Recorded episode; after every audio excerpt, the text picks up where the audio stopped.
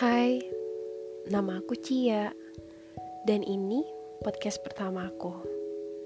Di podcast ini, aku mau berbagi cerita Tentang pengalaman hidup aku Ataupun pengalaman hidup orang di sekeliling aku. Dan aku berharap dari podcast ini Kita bisa sama-sama belajar Tentang kebijaksanaan Dan juga mengambil nilai-nilai kehidupan yang bertujuan menjadi pertimbangan kita ketika kita mengambil keputusan di masa yang akan datang dan meminimalisir kita dari rasa kekecewaan atas keputusan yang telah kita ambil. Semoga kalian suka ya.